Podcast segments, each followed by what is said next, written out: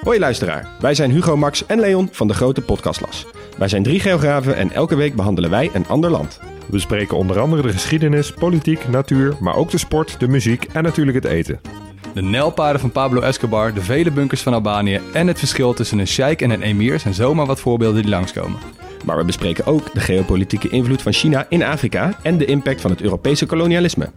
Luister dus wekelijks naar de audioversie van de Atlas, de grote podcastlas. Vandaag gaan we puzzelen. Pak er eens een atlas bij, of vooruit uit Google Maps of zo. Zorg dat je een wereldkaart voor je hebt liggen met alle continenten erop. En volg dan dit stappenplan. Today, I'm going to be teaching you a simple three step technique that anybody can follow every day. Step one Vouw het Zuid-Amerikaanse continent eens tegen Afrika aan en constateer dat dat precies past met de bult van Marokko in de kom van Mexico. Now for step two, and this might surprise you. Duw dan Antarctica en Australië aan de andere kant tegen Afrika aan. Breek India even van Azië af en prop dat erbij. And for the final step, En tenslotte pas je Groenland tegen Noorwegen aan en klem je Engeland en Ierland vast tussen Noord-Amerika en Europa. En het resultaat is dan dus één grote landmassa van alle continenten samen. Dit bestond echt en het heette Pangea. En toen zo'n 200 miljoen jaar geleden de dino-tijd begon, zag de wereld er zo uit. Eén supercontinent, met in het midden daarvan een snikhete woestijn. Omgeven door een immense superoceaan, Pantalassa. Nou, vandaag gaan we je uitleggen hoe en waarom dit allemaal gebeurde, maar ook hoe we dit hebben ontdekt en wat de gevolgen zijn voor het klimaat en de planten en de dino's. En deze aflevering wordt u speciaal aangeboden door Maarten van Rossum. Ja, Maarten, dit is iets wat jij al heel lang graag wilde maken en uitleggen. Ja, Waarom? ik vind wel dat je duidelijk moet maken dat die eh, dinosaurus, waar we het steeds over hebben, die zich overigens qua ontwikkelings- en aanwezigheidsperiode natuurlijk over zo'n 250 miljoen jaar in totaal uitstrekken, in een totaal andere wereld leefden dan die wij nu hebben. Want zij leefden eigenlijk op in een, in een heel interessante fase. Want bij het begin, zal ik maar zeggen, bij de eerste betrekkelijk simpele dinosauriërs, niet waar, is er nog sprake van Pangaea. Dus dan alle continenten die wij kennen lagen geclusterd in één grote eenheid. Ja. En dan in de loop van de aanwezigheid van de dinosaurus, daar beginnen scheuren te ontstaan. En die scheuren leiden ertoe dat geleidelijk aan de, de continenten van elkaar zijn weggedreven. En na tientallen miljoenen jaren ongeveer de vormen hebben gekregen die ze nu hebben. Ja, dit systeem heeft inderdaad dus, hè, jij legt uit, dit systeem heeft grote invloed gehad op de dino-wereld en nog steeds op onze wereld van nu. Wij gaan in deze aflevering uitvinden ehm, hoe we überhaupt erachter kwamen dat die continenten bewogen, wie dat heeft ontdekt, waarom het zo lang duurde voordat we dat ontdekten en ook wat de gevolgen zijn geweest voor dit. Ja, en dan moet erbij, de man die het ontdekte, die is eerst ook weer uitgelachen. Oh, je wil het niet weten. Nou, om dit verhaal te vertellen hebben we iemand nodig die behalve paleontoloog ook geoloog is. En die hebben we toevallig in ons team. Ja. We gaan terug naar Melanie During. En dit keer hebben we het dus niet over gesteente vanuit de ruimte, asteroïdes bijvoorbeeld, maar over ons eigen broksteen, de aarde. Welkom bij DinoCast.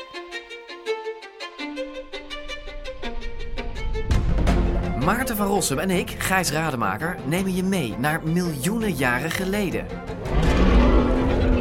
Want elke week worden er nieuwe dino's opgegraven en de ene ontdekking volgt de andere op.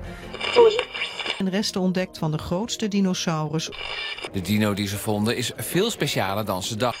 more than 20 different dinosaur tracks. Vergeet alles wat je dacht te weten over dinosauriërs. Het is tijd voor een nieuwe kennismaking met onze oude vrienden. In de podcast voor iedereen die vroeger al van dino's hield en nu nog steeds een beetje. Welkom bij DinoCast. Als je naar de aarde kijkt, nu, naar de, naar de wereldkaart, dan zou je zeggen, je ziet bijna al dat die continenten, dat je die in elkaar kan vouwen. Hè? Maar, maar eh, er moet iemand als eerste op dat idee zijn gekomen. Ja, Al- Alfred Wegener was dat. En eh, die werd overigens nooit geloofd. Is zijn hele leven dacht iedereen nee. En dat terwijl er best wel veel bewijs voor was. Ja, Alfred Wegener was de eerste met dit idee, zo rond 1910. Wegener was meteoroloog. Hij bestudeerde niet de aarde, maar de lucht erboven, het weer. Dat was zijn core business en in het bijzonder het weer in de poolgebieden.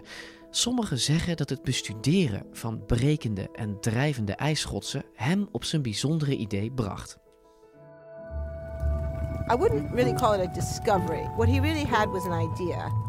His office mate said, Look at this beautiful atlas my parents gave me for Christmas.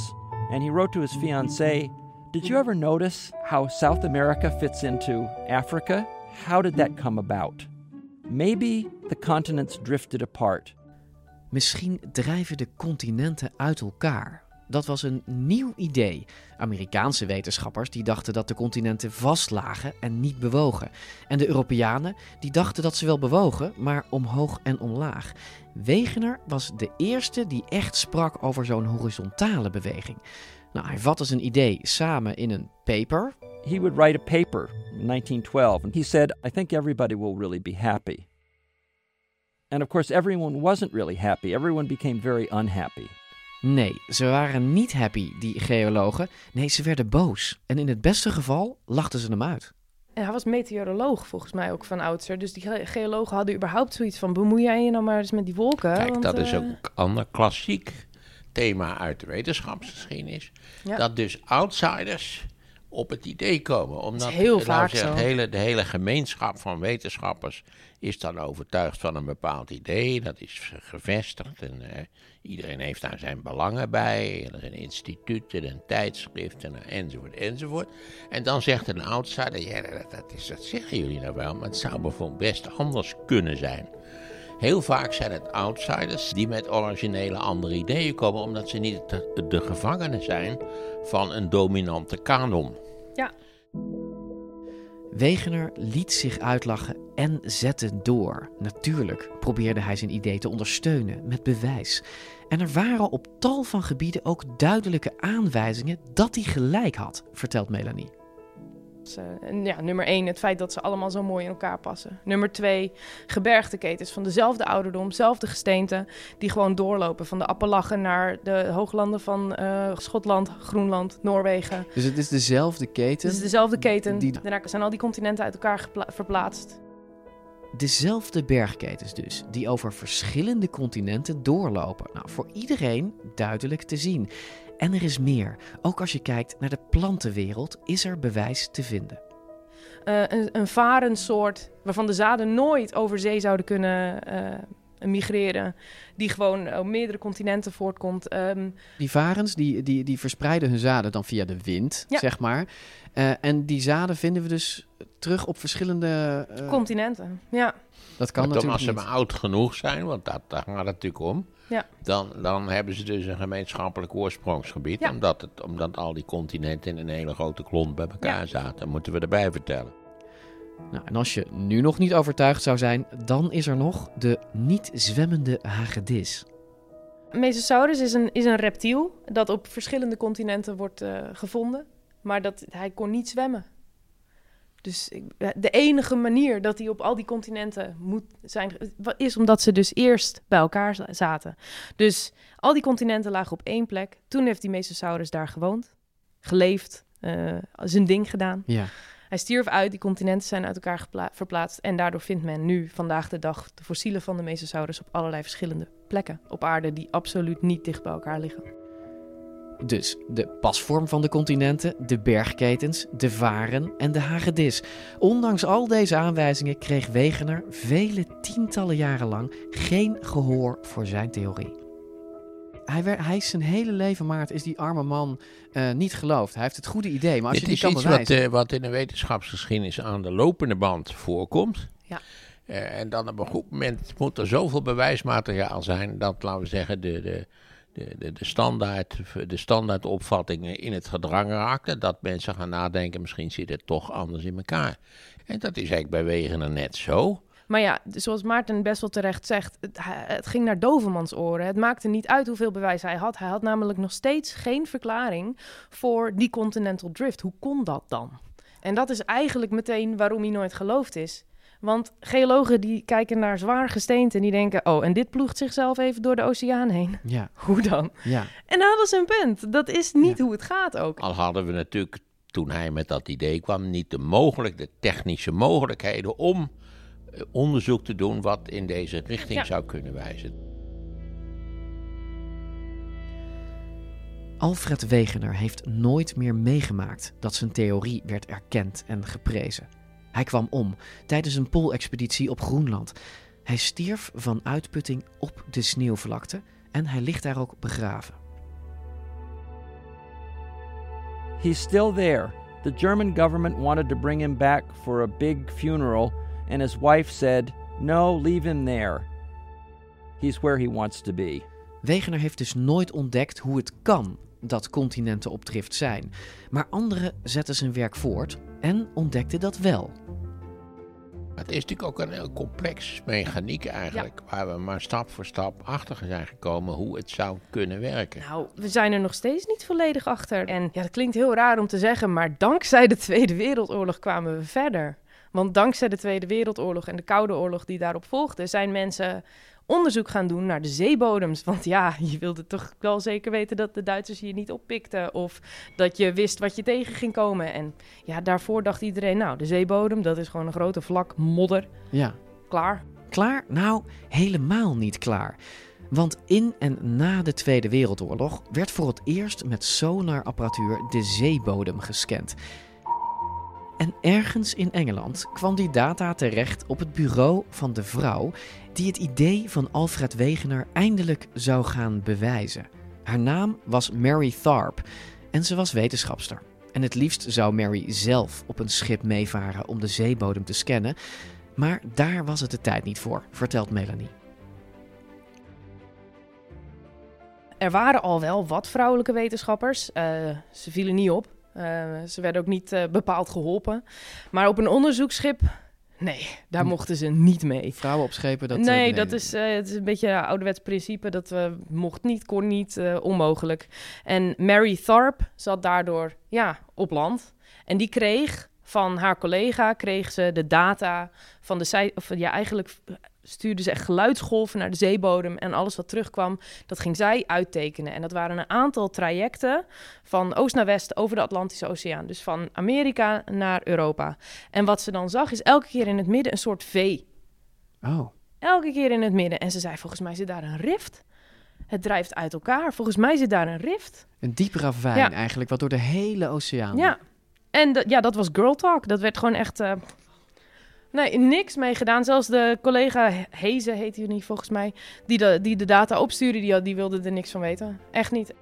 Ja, inderdaad. Mary Tharp ontdekte dus een gigantische kloof op de zeebodem. Een Rift Valley, die dwars door de oceaan liep. Maar toen ze dat aan haar collega en chef Heze liet zien, wimpelde die het weg met, ja, Melanie zei het al, de woorden girl talk. En oi, wat kreeg die daar later spijt van. Ik en Melanie kunnen dit verder vertellen, maar curieus genoeg heeft een bandje Mary's verhaal in een best catchy nummer verwerkt. Laten we een stukje luisteren. The song you're about to hear is based on true events. In the early 1950s, Marie Tharp's ideas were dismissed as girl talk. Last name Tharp, first name Marie with an expertise in cartography. Got a job mapping the ocean floor using sonar data from the Second World War, but she needed new data to complete her map, so they loaded up a research vessel ASAP. They sailed out on the sea, but they didn't bring along Marie. They didn't let women on the research vessel, so with map making tools, Marie did wrestle. She showed it to a colleague, Bruce Heason. He said, Marie, you got no rhyme or reason. When she said there was a rift valley at the bottom of the ocean. Girl talk. That's what the man said. Yeah, that's what the man said. He called it girl talk. Rejected like that. In two seconds flat, he called it girl talk. A valley with a rift implies continental drift. There ain't no place in science for your stubborn reliance on that girl talk. Ja, dit gaat niet meer uit je hoofd. Maar toen het bewijs zich bleef opstapelen, toen moest meneer Heesen zijn girl talk opmerking inslikken. Mary had echt iets ontdekt. En pas, ik geloof een jaar of zes later, ehm, toen ze ook onder andere hadden gekeken naar ja, waar zitten dan de aardbevingen, waar, hoe zit het met de seismiek, alles kwam overeen. Het zat precies in die rift. Dus, dus ze ontdekten eigenlijk een gigantisch onderzeese ravijn, Ja. waarbij ze concludeerden een rift. En wat is een rift en wat betekende dat dan? Een rift is feitelijk een zone waar eh, ehm, een uitgaande beweging plaatsvindt. En als dat op aarde plaatsvindt, dan moet je het zo zien: het drijft uit elkaar in die zone. Rift, laten we er nog even duidelijk voor, omdat dit een podcast is. Dit is het woord, het rift is R-I-F-T. Er komt een T achter. Het is dus niet een rif, Nee. zoals een à la koraalrif of zo. Nee, absoluut Het is niet. een rift. Ja. En zij brengt dat dus in kaart, ze ziet die rift. Ehm, waarom werd ze dan niet geloofd? Ja, eh, omdat Continental Drift nog steeds niet werd geloofd. En feitelijk wat zij had gevonden was bewijs voor Continental Drift. Dus dat kon niet. Punt. Dat is wat Maarten net zei, Ja. dat er een soort van consensus is, een Ja, heersende consensus. En als waar je daar tegenin gaat, dan gaat, gaat iedereen eh, met de hakken in het zand om je heen. En die Ja. zegt, en tot hier en niet verder. En zeker als je een vrouw bent. Ja, ja. Goed.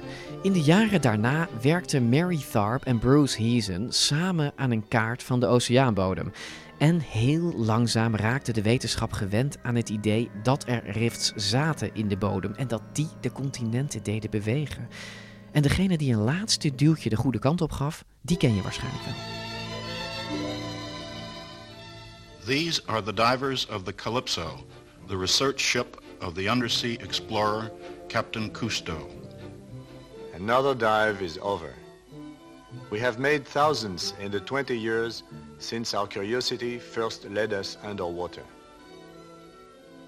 Frédéric Dumas and I De beroemde Franse onderzeeduiker Jacques Cousteau geloofde geen bal van die rifttheorie, maar hij voer erheen, liet een camera zakken en moest tot zijn verbijstering constateren dat er dus inderdaad een rift was. En ook Maarten heeft de rift met eigen ogen gezien, maar dan op land. We hebben nog een heel mooi zichtbaar voorbeeld, namelijk IJsland.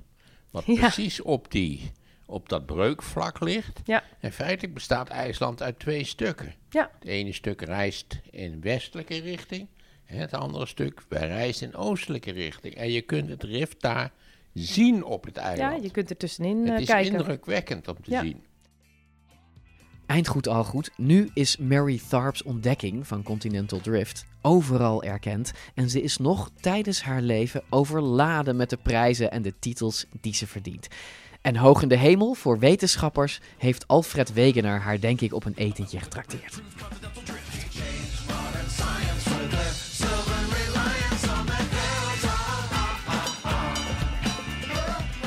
Oké, genoeg gegirl talked. We weten nu dus dat ze hadden ontdekt dat over de hele aarde grote rifts, vulkanische scheuren lopen. Maar er is nog iets wat ze in die tijd ontdekten. Een werkelijk bizar verschijnsel, wat er zelfs voor zorgt dat we de route van de continenten, net als Hans en Grietje met broodkruimeltjes, letterlijk hebben kunnen volgen.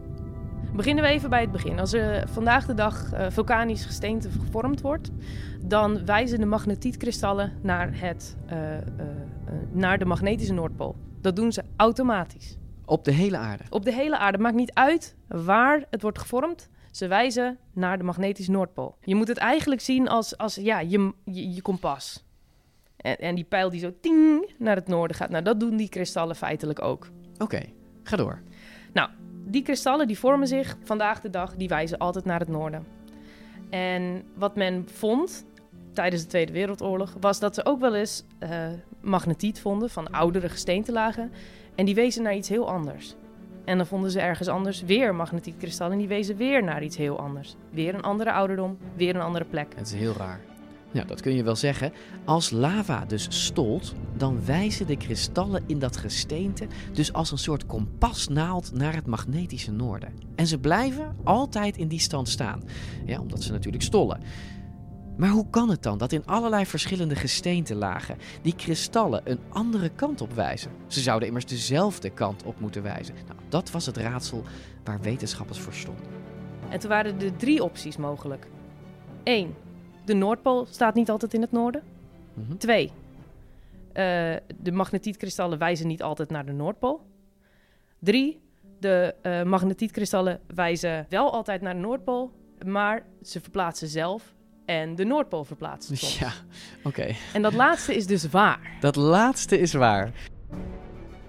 Ja, blijf bij ons, want het is namelijk best simpel. Er gebeuren dus twee dingen. Namelijk, die gestolde brokken steen, die verplaatsen zich dus blijkbaar. Hè? Dat komt natuurlijk omdat de continenten bewegen, daar gaan we zo verder op in. Maar Melanie zei ook nog dat de magnetische Noord- en Zuidpool ook veranderen.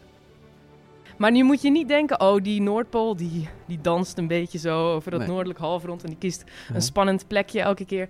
Het is eigenlijk echt een, een reversal, een omkering van het aardmagnetisch veld. Dus het kan elke honderdduizend jaar zijn, het kan wat vaker zijn, het kan wat minder vaak zijn. En wat je dan ziet is dat Noord en Zuid gewoon, boem, het valt uit en het keert om.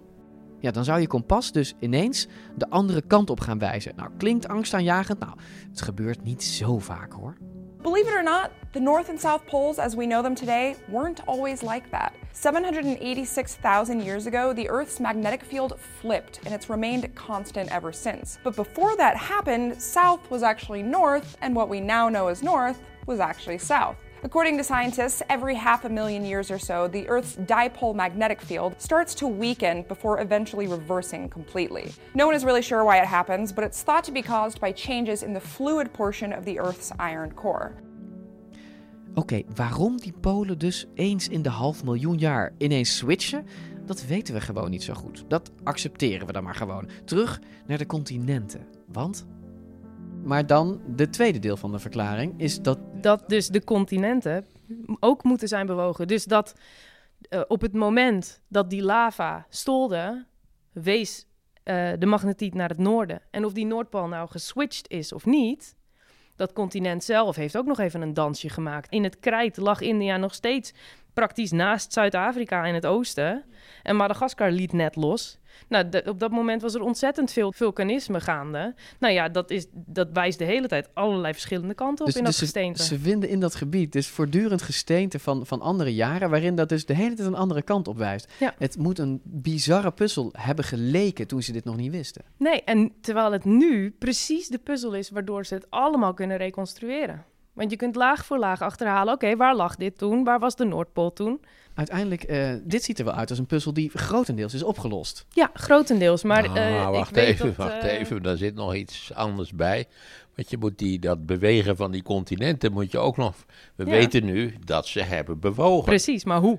En zelfs in sommige opzichten, we hebben het wel eens verteld volgens mij, in een relatief hoog tempo. Ik geloof dat India op zijn weg van, van het zuiden, laten we zeggen, naar de, naar de botsing met... Met de Himalaya's. Met, met Of de ja, Azië. Himalaya, of liever, de, de Himalaya is gecreëerd door de Precies. botsing.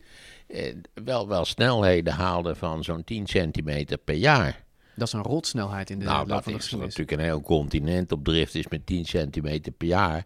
Dat is pittige kost. Wat mensen vergeten, dat ze naar Amerika reizen, dat er elk jaar 5 centimeter bij komt. Hè, dus dat je, dat je de eerste keer dat je gaat, 50 jaar geleden, dan hebben we dus al eh 2,5 meter. en je kunt het op. merken. Ja, je valt, valt je er echt op. Zeker. Vandaar dat de, dat de prijzen van vliegtickets ook eh Ja, die worden ook steeds duur. Ja, nee, dat- steeds goedkoper. goedkoper. Dat is dan weer raar. Maar goed, voor, voordat ik over vliegtickets begon te emmeren, stelden Maarten en Melanie de juiste vraag. Hoe bewegen die continenten nou precies? Wat zorgt daarvoor? Nou, voor dat antwoord moeten we naar het heetste, allerbinnenste van onze aarde. Dus de aarde is 5 miljard jaar oud. Even oud zo'n beetje als het zonnestelsel. Ja, ja Maar die, 4,6. die, is, die, die is nog steeds hartstikke warm. Daar komt het eigenlijk op neer. Ja. Je hebt tal van plaatsen waar je met je, met je snuffert naar beneden kijkt en het magma ziet borrelen. die gelaagdheid van de aarde is toen eigenlijk gevormd. En die kern die is ontzettend heet. En die zorgt er feitelijk voor dat die convectie van de mantel op gang komt en op gang blijft. Ja, die aardkern is dus de gloeiende motor van geweldige stromen aan warm gesteente die diep onder ons kolken. Eigenlijk moet je het zo zien. Wij leven op een reusachtige gloeiende bol en we staan zelf op het superdunne, krokante, afgekoelde laagje aan de buitenkant. Nou, dat laagje, dat is dus niet één laag. Nee, het bestaat uit verschillende platen. Ja, die zeg maar drijven op het warme gesteente eronder. En dat gesteente dat is dus voortdurend in beweging, aangedreven door die hete aardkern. Het stijgt omhoog door de warmte. Dan drijft het daarna weer uit elkaar, links en rechts, uh, eigenlijk alle kanten. Tot het weer een beetje afgekoeld is, dan daalt het weer naar beneden. En dan komt het weer in de buurt van die warmtebronnen en dan gaat het weer omhoog. Dus je hebt echt een soort convectiecel bijna hetzelfde als, we, als wat je kent in de atmosfeer. Warme lucht stijgt op, het regent uit, uh, het beweegt zijwaarts, het daalt weer. En het of je radiator van je centrale verwarming. Nou, precies. precies, precies ja. daar moest ik ook aan denken. Ja. ja. Ja, die beweging die heet tektoniek. Ja, en die zorgt er dus voor dat aardplaten bewegen. En daarbij schuren en botsen ze dus heel langzaam maar onvermijdelijk tegen elkaar of langs elkaar. Of de ene plaat schuift onder de andere. Nou, misschien moet je nog even uitleggen dat er ook plekken zijn waar die oceaanbodem weer verdwijnt in de mantel. Nou, precies. Want, wat ik zal maar zeggen, kijk nou naar Zuid-Amerika, dat is een fraai voorbeeld. Mhm. Dat is langs de hele westkust van Zuid-Amerika is eigenlijk zijn gebergte. Ja, is een enorme subductiezone. En met, met zeer omvangrijke vulkanische activiteit. Want daar verdwijnt eigenlijk de Pacifische oceaanbodem in de, in de mantel. Ja. ja en, en dat verschijnsel dat leidt tot enorm extreem vulkanisme. Ja, en tot de Andes. Ja, en tot de Andes ja, natuurlijk. Precies. Nee, die, uh, de Pacifische plaat die vouwt zich onder uh, Zuid-Amerika. En daardoor heb je die enorme vulkanische en gebergtevormingzone in, uh, in Zuid-Amerika. Dus daarom hebben we ook op de, op de planeet geen gesteentes die echt even oud zijn als de planeet zelf. Nee, en de oudste gesteentes die vind je altijd op land. Ja. Dat kan niet anders.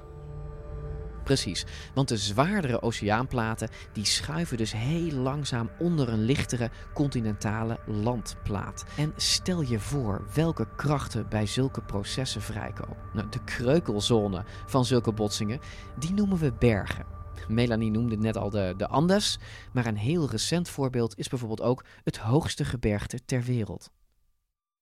Right now, I'm almost 3000 meters high up in the Himalayas. which you can't really see because right now I'm literally in a cloud. That's how high up we are. The Himalayas have a really interesting story. It broke off from the rest of Africa and started to drift upwards. The tectonic plate was drifting northly. And 45 million years ago, it hit the rest of Asia and that collision caused the Himalayas to form. And their formation not only changed the local landscape immensely, but it actually changed the climate of India by bringing in the monsoons. The monsoons didn't exist before the Himalayas.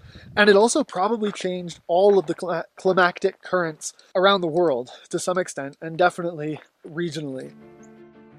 Ja, hij zegt de manier waarop de continenten bewegen is ook belangrijk omdat het het complete klimaat op aarde beïnvloedt. Het gaat dus veel verder dan een dinosoort die zich al lopend over de hele aarde kan verspreiden. Dit proces bepaalt mede ja, de monsoons, de moessonregens en de droogtes overal op aarde. En daarmee dus ook welke planten en dieren er kunnen leven. Nou, nu we weten hoe dit zit, gaan we terug naar de dino-tijd. Wat gebeurde er nou op de dino-versie van onze aarde? Laten we daar naartoe gaan. Laten we beginnen bij, nou, laten we beginnen bij het trias, bij het begin van Ja. eh, het eerste begin van de dino-tijd. Ja, dan begin je met Pangea. Hoe? Ja, ik wou zeggen, hoe ziet de aarde er dan uit? Het antwoord is eigenlijk Pangea. Ja, Pangea is een enorm supercontinent met een kleine binnenlandse zee. eh, de Moesjelkalkzee overigens. Daar vind je allemaal eh, marine reptielen ook uit die tijd. Eh, de Winterswijk lag aan de kust toen de tijd. Je kunt het beter vergelijken met eh, de Perzische Golf dan vandaag de dag. eh, de locatie. Dus, maar ja, al die continenten lagen veel dichter bij de Evenaar, ontzettend in elkaar gedrukt. En, en daaromheen lag de Pantalassië-oceaan. Er was geen ijs op de polen. Zo warm Ja, was dat het. is op zichzelf een punt wat, eh, wat ik dan steeds merkwaardig vind. Waarom was het toen zoveel warmer dan het bijvoorbeeld nu is? Ik wilde de vraag eigenlijk omkeren, want ik dacht, stel je nou even voor, je hebt een gigantische landmassa rondom de Evenaar. Nou ja, waar schijnt de zon het meest direct in? Dicht op de Evenaar. Ja. Ah, het is Wat voor klimaat opwarming- stel jij je voor bij een gigantisch continent rondom de Evenaar? Het is eigenlijk de opwarming van de continentale plaat. Dat Ja. is het eigenlijk. Ja. Ja, in het Trias-tijdperk, het eerste begin van de dino-tijd, vormen alle continenten samen dus die supergrote landmassa Pangea. Met in de binnenlanden superhete zomers en woestenijen waar het bijna onleefbaar moet zijn geweest. Zeker ook omdat de winters er juist ijskoud waren. Maar de kuststreken van Pangea waren groen, bedekt met wouden die groeiden en bloeiden door immense slagregens. Regen zorgde er bijvoorbeeld voor dat de zeespiegel soms zelfs zo'n 50 meter hoger stond dan nu. Ook de polen die waren groen en bebost en werden bevolkt door reptielen, reuzenkrokodillen bijvoorbeeld, en zoogdiervoorlopers, maar ook de eerste dinosaurussen die liepen er al rond. Pterosauriërs verschenen in de lucht en in zee brak er een wapenwedloop uit tussen dieren met scherpe tanden en die met sterke pansers of schelpen. Reptielen hadden dus eigenlijk één groot continent ter beschikking waar ze vrijelijk over konden rondlopen. Ja. Maar in de loop van de trias begon dat te veranderen. Ja. Wat gebeurde er? Nou, de continenten beginnen uit elkaar te breken. Vooral eh, Noord-Europa, of Eurazië moet ik het eigenlijk even noemen, begint eh, los te breken. En naar het Jura toe wordt dat steeds duidelijker. En je begint echt zeestromen te krijgen tussen de continenten. Het was dus niet zo dat een, een, een, een, een vroege dinosaurier uit de trias dacht... oké, twintig jaar geleden zou ik toch zweren dat hier geen eh, rivier liep. Zo... Nee, zo snel gaat het helaas Nee, niet. Ik nee. denk dat ze het allemaal, net als eh, dat de meeste mensen niet doorhebben dat eh, continenten licht uit elkaar bewegen. Maar toch niet zulke denkers natuurlijk. Dus het begon... het- Maar Nee, daarnaast hadden ze geen prefrontale cortex, dus dat eh, vooruitdenken en terugdenken, dat kon niet. dat zat er sowieso niet zo goed in. Nee. Nee, oké, dus het gebeurde heel erg langzaam. En dan glijden we langzaam richting het Jura. Ja. En het Jura, en, en daar ligt het echt uit elkaar. The Jurassic period is the second of three periods in the Mesozoic era, also known as the Age of Dinosaurs. During this time, the supercontinent known as Pangaea split apart because of all the tectonic plate movement at the Earth's crust. The rifting created new continents, as well as the Central Atlantic Ocean and the Gulf of Mexico. Tegen het eind van de trias heb je, ik noem dat nog even voor het gemak, Zuid-Amerika, lagen nog namelijk Ja. tegen elkaar aan. Maar Noord-Amerika was al los, dus je had al een zeestroom daartussendoor. En dan begint het klimaat dus ook wat aangenamer te worden. Je krijgt moessons eh, eh, aan de- in de kustgebieden, dus het wordt wat vochtiger. En ik denk ook dat daar de, de, de bloei van de dinosauriërs in het Jura ook echt wel eh, bij gebaat is geweest. Ja. Want je ziet zoveel floreren in het Jura. En ja, de continenten waren inderdaad gescheiden. In het Jura gaat ook Zuid-Amerika van Afrika af. Het was nog steeds natuurlijk lekker warm. En was nu een stuk, warm, er was en nu een stuk, en een stuk vochtiger. Want Stuk Ik vochtiger. begrijp wel wat een aantrekkelijke Precies. levenscondities dat zijn. Ja. Ja. Hè? Ja. Vochtig en warm. Nou, zeker als je een sauropode was of zo, dan eh er was natuurlijk genoeg groen. Denk nu aan het tropisch regenwoud, wat natuurlijk ook een eh, ongelooflijke soortenrijkdom kent. Precies. Ja. Ja, we zijn inmiddels in het Jura aanbeland, midden in de dino-tijd. En Pangea is dus inderdaad in snel tempo aan het versplinteren. Noord-Amerika is al een op zichzelf staand eiland en drijft rustig naar het noorden. En ook Eurazië ligt al los. En een enorme klomp die samen Australië, Antarctica en India vormt, die is losgebroken van Afrika en Zuid-Amerika. Nou, en zoals Melanie zegt, het ontstaan van nieuwe zeestromen tussen continenten verandert het klimaat totaal. In reusachtige, ondiepe tropische zeeën krioelde het werkelijk van nieuw leven. En niet alleen in zee, ook op land explodeerde het leven. Dinosaurussen waren overal, de grote langnekken, andere planteneters en hun bejagers, de tweebenige vleeseters. En dinosaurussen waren heus niet het enige wat het goed deed. Zoogdieren ontwikkelden zich, net zoals schildpadsoorten en zelfs insecten. Alles bloeide. En het kan goed dat het opbreken van Pangea daar een rol in speelde. Want op die grote nieuwe eilanden ontstonden dus ook nieuwe leefomgevingen, waardoor planten en dieren ook moesten veranderen en zich specialiseren en diverser worden. Wat is de belangrijkste verandering in het krijt? Ehm, nou, in het krijt... Nou ja, kijk, de Atlantische Oceaan die groeit. Dus dat is... Ik denk dat die wel echt verdubbelt in grootte in het krijt. Krijt is een hele lange periode ook trouwens. We hadden nog steeds geen poolijs. Maar het temperatuurverschil tussen de Evenaar en de Noord- en de Zuidpool... was niet eens de helft van vandaag de dag. Kijk eens. Dus het was ook een veel homogener klimaat in het Ja, krijt. bij ijsbeer zou niet tot ontwikkeling zijn Nee, gekomen. absoluut niet. In het krijt ontstond langzaam de landkaart zoals je hem kent. Afrika en Zuid-Amerika, die lieten elkaar na lang aarzelen toch los. En de temperatuur was overal op aarde redelijk hoog. Melanie zei het al, geen ijs op de polen. Maar dat betekent ook dat de zeespiegel zo'n 100 meter hoger was dan nu. En dus dat veel Noord-Afrikaans en Arabisch gebied onder water lag, net zoals grote delen van Europa. Ook Nederland was een heerlijk jachtterrein voor mosasaurussen. En ook in het krijt zagen we weer zo'n explosie van soorten ontstaan. Maar ditmaal komt het door de opkomst van de bloemen.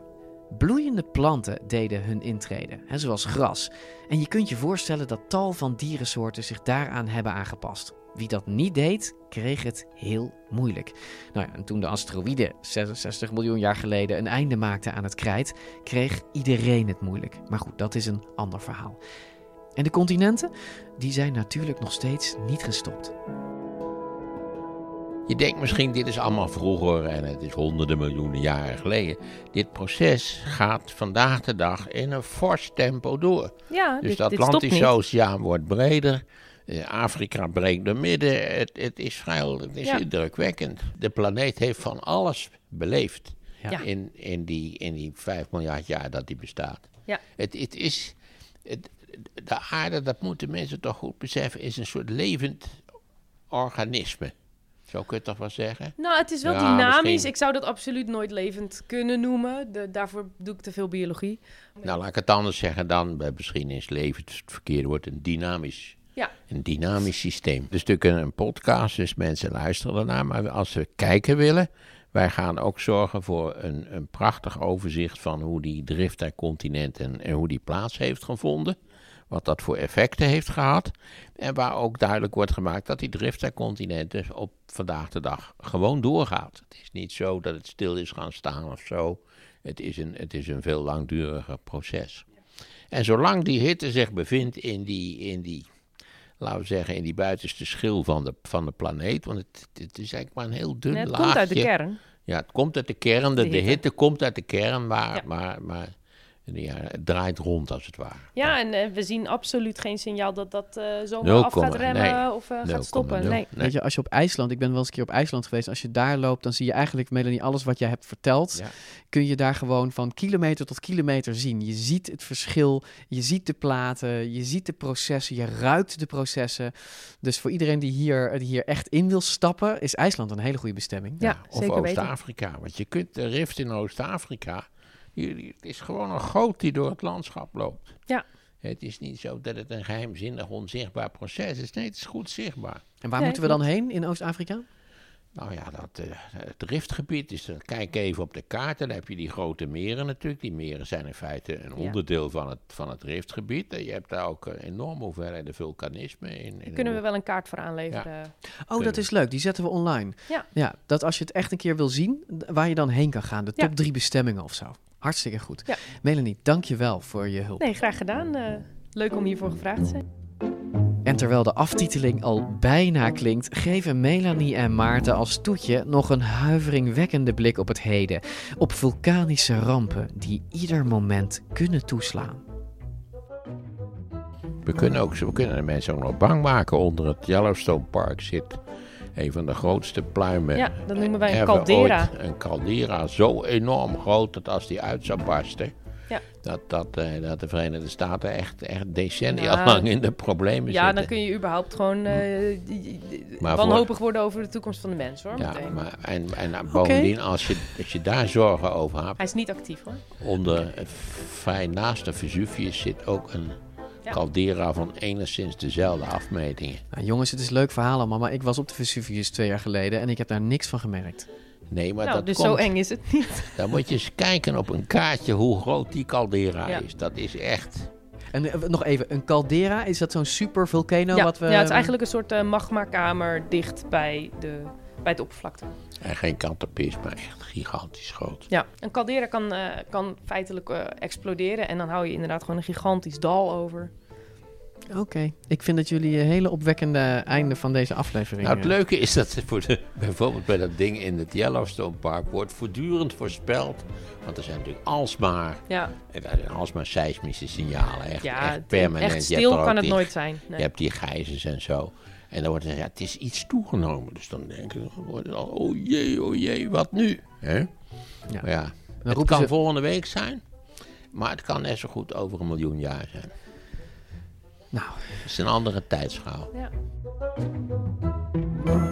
En net nu je denkt dat het gedaan is met al dat doemdenken, schetst Maarten nog even een gitzwart beeld voor landen als Spanje, Italië en Griekenland. Waar je nu nog zo heerlijk kan zwemmen. Nu nog wel.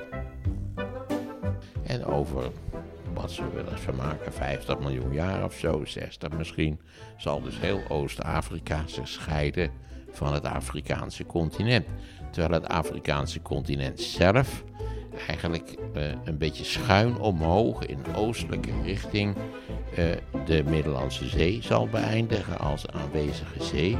En tenslotte in Europa een gigantisch nieuw gebergte zal vormen. Ja, dus eigenlijk moeten de, heel Zu- de Zuid-Europese, of de, de Middellandse zeelanden, die moeten zich dus eigenlijk voorbereiden dat ze dus geen strandtoerisme eh, Nee, kunnen zullen- hosten, zullen- maar wel, maar ze kunnen wel skiën dan. Ja, het zou misschien een soort Himalaya kunnen worden. Precies. Maar ik kan u dus nu adviseren, koop geen huisje op Sicilië. want dat is, voor een, dat is misschien voor de eeuwigheid niet bestemd. Ook in deze aflevering hoorden we, eigenlijk weer hoe vrouwelijke wetenschappers, hoe die totaal genegeerd zijn. Hè? Mary Tharp in dit geval.